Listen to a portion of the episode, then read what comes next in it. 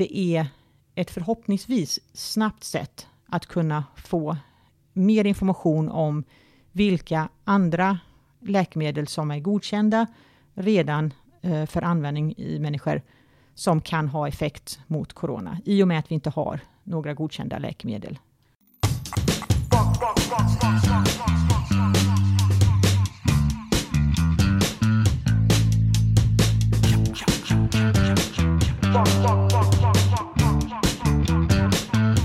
Hej och välkomna till det här extrainsatta avsnittet av Akademiliv som ska fokusera på den forskning som görs här på Sahlgrenska akademin om det nya coronaviruset, sars coronavirus 2. Det är onsdag den 11 mars idag och vi har just nu en situation där det nya coronaviruset sprids här i Sverige och i många andra länder. Och det finns mycket oro inför framtiden och media har en konstant rapportering om utvecklingen. Eh, jag som håller i podden idag, jag heter Elin Lindström och gäst är Kristina Nyström som är docent i medicinsk mikrobiologi. Välkommen Kristina! Tack så mycket! Eh, vi är här på din arbetsplats, mikrobiologen i Göteborg. Eh, hur skulle du beskriva situationen för er här på mikrobiologen idag? Just för tillfället så har vi ganska mycket att göra på själva sjukhussidan på klinisk mikrobiologi på Salgrenska så får vi in eh, ett stort antal prover för diagnostik av viruset och där finns det ett stort provflöde och mycket jobb att göra. Hur, hur påverkas du och dina kollegor av det här nu då, att, att viruset sprids här i, i Sverige? Alla får försöka och hjälpa till och alla hjälper till så mycket det bara går att komma rätt med situationen allting ifrån diagnostiksidan till forskning. Och inte bara i Sverige utan verkligen världsomspännande.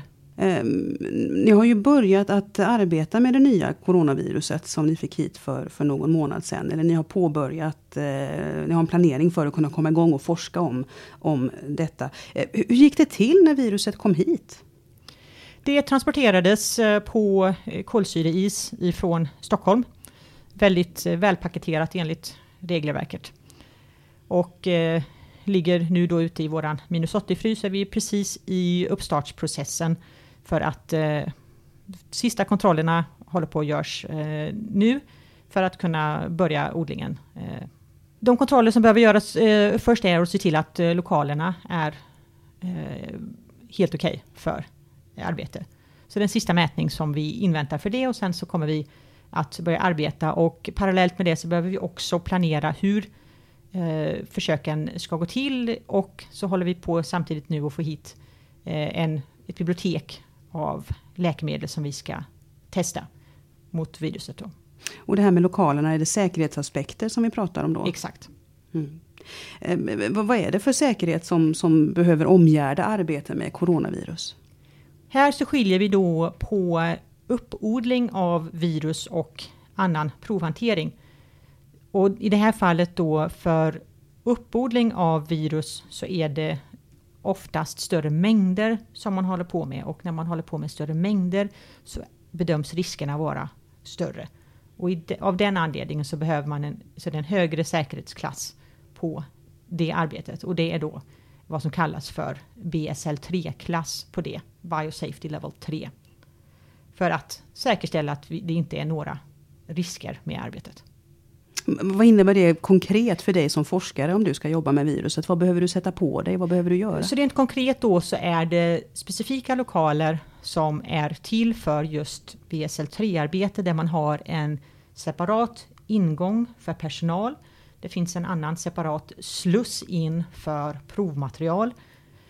Och allt arbete där ute sker i så kallade LAF-bänkar, laminar airflow, där det finns ett luftflöde som skyddar som sen filtreras genom HEPA-filter eh, i flera steg eh, ut som skyddar både personal och luften eh, runt omkring. Och när man sen då väl har slussats in i lokaler, bytt kläder, speciell labbrock på och speciella handskar på för att överhuvudtaget komma in i lokalerna. När man sen väl då arbetar med viruset så har vi ytterligare säkerhetsaspekter då. Då har vi ytterligare ett engångsförkläde på oss som vi använder bara just när vi sitter och arbetar med viruset. Vi har ytterligare ett par handskar på oss just när vi arbetar med viruset. Och vi har även skydd för armarna. Vi har speciella armskydd som också de är engångs i och med att man har händerna i närheten av det infekterade viruset i den skyddande boxen. Sen har vi för detta, i och med att det är en aerosolsmitta, så har vi också då en eh, andningsmask, en speciell eh, skyddsmask eh, med filter för att, som extra säkerhet. Mm. Är man någonsin rädd när man jobbar med ett sånt här virus? Det låter ju ganska omfattande procedurer runt detta. Man får vara försiktig men det är därför som vi har ett väldigt väl utarbetat regelverk och väldigt tydliga rutiner med exakt hur vi jobbar med detta. Så att alla de här grejerna som man har på sig är då direkt när man har, som har man då när man är i kontakt med viruset. Men så fort som man har, eh, är färdig med det arbetet så tar man av sig dem så att det som är eh, det som där det skulle kunna finnas virus på direkt slängs eh, och byts om då till nytt när man jobbar igen då. Mm. Jag tänker vi återkommer till det här projektet som ni liksom är i startgroparna för att starta igång här på, på eh, mikrobiologen. Um, skulle vi kunna börja med att prata om, om viruset som sådant? Uh, hur vill du som mikrobiolog beskriva det? Vad är det här för virus? Så det är ett coronavirus och det finns olika typer av coronavirus. I det här fallet då så är det vad vi kallar för ett beta-coronavirus och som är släkt med sars som spreds 2002-2003. Även släkt med virus ifrån fladdermöss. Sars i sig också då släkt med fladdermössvirus. Sen finns det andra typer av corona som ger vanliga förkylningar som tillhör andra coronavirusfamiljer. I alla de fallen så är det ett RNA-virus med ett RNA-genom och med ett hölje och väldigt eh, utstickande glykoproteiner som just gör att det ser lite ut som en krona och därav då namnet corona. Rent forskningsmässigt, alltså det här, det här viruset blev ju eh, uppmärksammat nu runt årsskiftet och, och sen dess så har det då eh, spridit sig och så. Men forskningsmässigt, vad, vad har liksom kunnat komma fram om viruset under den här korta perioden som ändå har gått sedan det, sedan det upptäcktes? Det görs ju runt om i världen eh, väldigt mycket försök på olika håll.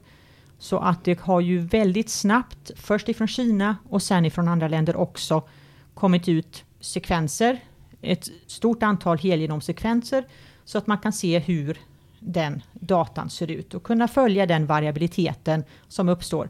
Vilket i det här fallet då inte är så hemskt stort för att det här är, även om det är ett RNA-virus där man brukar se mycket förändringar, så har coronavirus så kallad proofreading-förmåga så att det blir, uppstår inte lika många fel som det brukar hos RNA-virus. Så det, även om det är vissa variationer som uppstår ifrån eh, olika patientstammar så är det inte så stor variabilitet. Eh, eh, handlar det om att, att det inte muterar lika snabbt exakt som andra så, virus exakt gör? Exakt så. så att andra RNA-virus muterar mycket snabbare än vad coronaviruset verkar göra. Vilket stämmer överens med, med, med deras eh, proofreading-förmåga.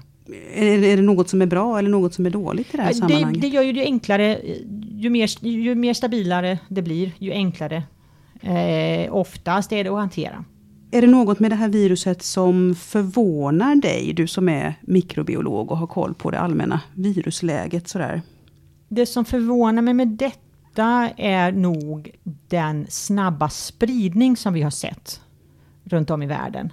Eh, och ja, med, med hast, den hastighet av spridning eh, förvånar mig. Det har vi ju inte sett tidigare. Vi såg det inte med sars till exempel. Å andra sidan om vi jämför med sars så var ju dödligheten högre. Vilket också kanske skulle kunna förklara då varför vi ser en snabbare spridning om vi har flera patienter som har milda sjukdomar och som inte är medvetna att de är smittade och då kan sprida viruset vidare utan att ha för avsikt att göra det. Om patienterna är isolerade på sjukhus för att de är så pass sjuka, då är det lättare att ha kontroll på läget. Mm. Eh, det pågår nu forskning om det här nya coronaviruset på många håll i världen, precis som du sa. Och förenklat så har jag förstått att man kan säga att det finns två spår. Alltså att det finns forskare som letar efter ett sätt att man ska kunna vaccinera sig mot eh, det här viruset. Och så det andra spåret då som handlar om att hitta sätt att behandla virusinfektionen. Och här i Göteborg så fokuserar ni på det här andra spåret. Alltså att försöka hitta antivirala läkemedel som kan ges när man har smittats av viruset. Kan du berätta mer om det här projektet som ni är igång och ska starta? Det här med att, att försöka få fram antivirala läkemedel. Hur ska det gå till? Så det här är egentligen ett av eh, flera projekt. Det är ju eh, som vi pratade om innan, det finns många kunskapsluckor fortfarande. Det är ju mycket som har gjorts men det är fortfarande väldigt mycket vi inte känner till med det här viruset. Och där jobbar vi på det vi kan eh, bidra med för att fylla de kunskapsluckorna. Och det första som vi har intresse av att börja med är just det här då antivirala projektet. Av anledning att vi tror att det är Eh, och vi ihop med många andra som också testar detta, eh, självfallet. Men just att det är ett förhoppningsvis snabbt sätt att kunna få mer information om vilka andra läkemedel som är godkända redan eh, för användning i människor som kan ha effekt mot corona i och med att vi inte har några godkända läkemedel för du pratar om ett läkemedelsbibliotek som ni, som ni ska få hit. Berätta mer om detta. Hur ska detta funka? Exakt så. Och det här är arbete som har gjorts eh, ihop med eh, Thomas Bergström, eh, Edvard Trybala eh, och eh, eh, andra personer kopplade till den gruppen då. där de har använt det här läkemedlet för att titta på andra virus. De har tittat på andra corona som infekterar som förkylningssymptom Eh, och herpesgruppens virus också. Eh, men vår tanke nu då är att få hit en större mängd av det biblioteket för att med liknande metoder då kunna gå igenom i olika koncentrationer av läkemedlet att titta på hur celler ser ut när de blir infekterade av viruset och då få ut kandidater där cellerna inte blir infekterade på samma sätt när läkemedlet är tillsatt. Och då är detta läkemedel som redan finns på marknaden och som redan Exakt. är godkända för att använda eh, på människor? Exakt så, inte för att godkända mot corona men som är godkända för att användas mot, i människor, ja precis. Och, och det här steget då, om det är så att ni hittar en läkemedelskandidat i det här biblioteket som verkar funka mot corona i cellodling i alla fall. Eh, steget därifrån till att faktiskt kunna använda det på människa, hur, hur ser det ut? Det steget är ju i alla fall eh, närmare. Då kan man starta och det finns en hel del också sådana uppstartade redan. Eh, compassionate use eh, trials där man gör på försöksbasis eh, testade i patienter eh, där det behövs. Men då har vi ju också en produktion av läkemedlet i så fall också som redan är igång eh, och så vidare. Så också där eh, sparar man tid. Mm. Hur många läkemedel pratar vi om här som, ni ska, som är möjliga kandidater som ni ska testa i, i de här cellodlingarna? Det bibliotek som vi eh, har som avsikt att börja testa innehåller över 1500 olika eh, substanser eh, som vi ska gå igenom. Sen finns det ju kanske vissa av dem som är eh, mera intressanta än andra till att börja med. Men det som jag tror är bra här är att få in ett bibliotek att börja brett och framför allt att få hit ett bibliotek, inte bara för det här viruset utan även för framtida eh, situationer. Det här är ju inte första gången som vi ser en spridning av coronavirus. Det är inte heller ens andra gången. Det här är tredje gången på en 18-årsperiod som vi ser coronavirus som hoppar från djur till människa. Och sen har ju detta också hänt med många andra virus som smittar från, som går från djur till människor. Och då gäller det nästa gång att ha system som vi kan rulla ut så fort som möjligt. För att kunna se vilka antivirala läkemedel som skulle kunna vara effektiva. Exakt, för vi kan inte riktigt sia om vad som kommer i framtiden. Men sannolikheten är enormt stor att någonting kommer att hända i framtiden igen. Mm. Det här är ju en supersvår fråga, det vet jag ju. Men tidsperspektivet här när vi pratar om det här projektet. Vad, när tror du att ni skulle kunna eventuellt se att ett läkemedel skulle kunna funka, att det har en antiviral verkan på det här nya coronaviruset? När vi väl får hit allting och kommer igång så kan man, beroende på som sagt med vilka substanser man börjar, vilken ände man börjar, men den process för att kunna se en effekt på celler är ändå relativt snabbt. De växer ganska fort de här viruserna och då kan man se en visuell effekt eh, direkt. Det handlar om att eh, få hit allting och få allting i startgroparna ordentligt och då ska man kunna se eh, effekter ganska fort. Så fort som man nu kan jobba. Vi har ju också begränsningar där med att det finns annan verksamhet som pågår i det här labbet också. Och vi har också eh, personalbegränsningar eh, såklart som alla andra grupper. Mm. Jag, jag, förstår det på dig som att ni har vissa favoritkandidater som ni ser att det här skulle kunna det finns vissa, eh, vissa kandidater som man har eh, tittat på innan. Och det som jag tycker är intressant här rent forskningsmässigt är ju också att kunna efter att man ser om läkemedel har en effekt, vilket självklart är en väldigt, väldigt viktig del i det. Men även fortsättningsvis då att göra uppföljningsstudier för att förstå hur läkemedlen har en effekt. I vissa fall kanske det är mer självklart med hur vi tror de fungerar. Och i andra fall kanske det inte alls är lika självklart och det kan bli väldigt mycket fortsatta intressanta spår. Att just sen vidare studera mekanismen på hur de fungerar. Mm. Jag blir nyfiken här, hur, hur, hur är förutsättningarna här på mikrobiologen här i Göteborg för att göra den här typen av arbete? Alltså jobba med den här typen av läkemedelsbibliotek och kunna, kunna eh, eh, hitta kandidater som skulle kunna fungera mot specifika virusinfektioner på det här sättet. Vad... Det som är väldigt bra, tycker jag, här i Göteborg är just att vi har ett så väldigt bra och nära samarbete mellan universitetet och mellan sjukhuset. Vi har förmånen här då att kunna jobba i samma byggnad som den kliniska verksamheten. Vi har daglig kontakt med den personal som jobbar med de kliniska testerna och många av oss forskare är involverade både i den kliniska verksamheten och i forskningsverksamhet. Så att då får man ett bra, en bra kontakt mellan de båda organisationerna för att kunna vara till så stor nytta för båda verksamheter som möjligt. Vilken betydelse kan det ha för forskningen att, att, att den kontakten är så nära? Det har en jättestor betydelse. Just att vi får då, det finns så mycket bra patientmaterial att kunna få tillgång till. Och att åt andra hållet också då för den kliniska verksamheten att det finns personer som kan vara med och stötta verksamheten, utveckla tester, och så vidare. Mm. Um, nu är ju inte det här riktigt ditt spår, eller inget spår som vi följer här i Göteborg, men jag vet att det pågår i Stockholm bland annat, det här med vaccinforskningen. Um, hur ser du på, på förutsättningarna där, att man skulle kunna få fram ett vaccin mot det här nya coronaviruset? Det tror jag absolut att man kommer att kunna få, få fram. Det är, tror jag, en tidsfråga. Det som är bra med det här viruset är ju just det att det går att odla bra i celler det gör att det är troligen en enklare process i och med att man då kan använda de mer traditionella metoderna med avdödat virus till exempel eh, och inte bara behöver eh, producera specifika virusproteiner för att använda som kan också fungera väldigt bra men som kan vara svårare möjligen. Här har man många alternativa metoder att testa.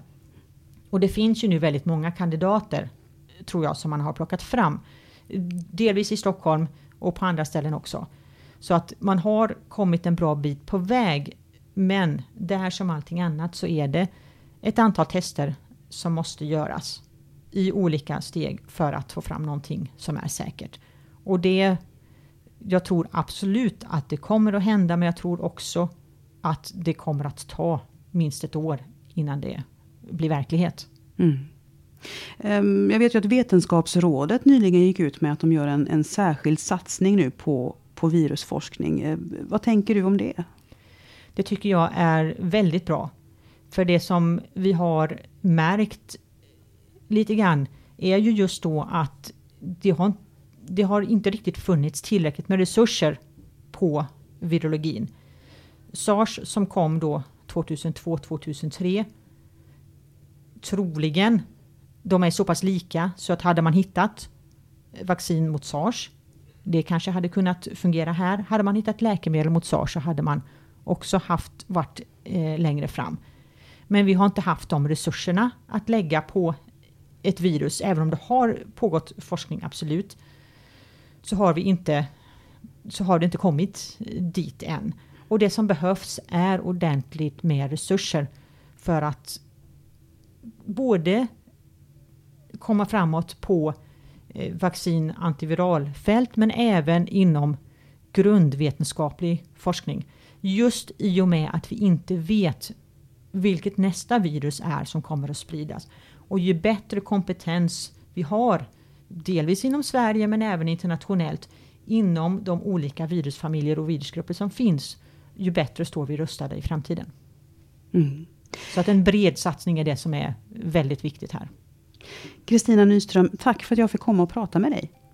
Tack själv. Det här var Akademiliv, podden från Sahlgrenska akademin som är den eh, medicinska fakulteten vid Göteborgs universitet.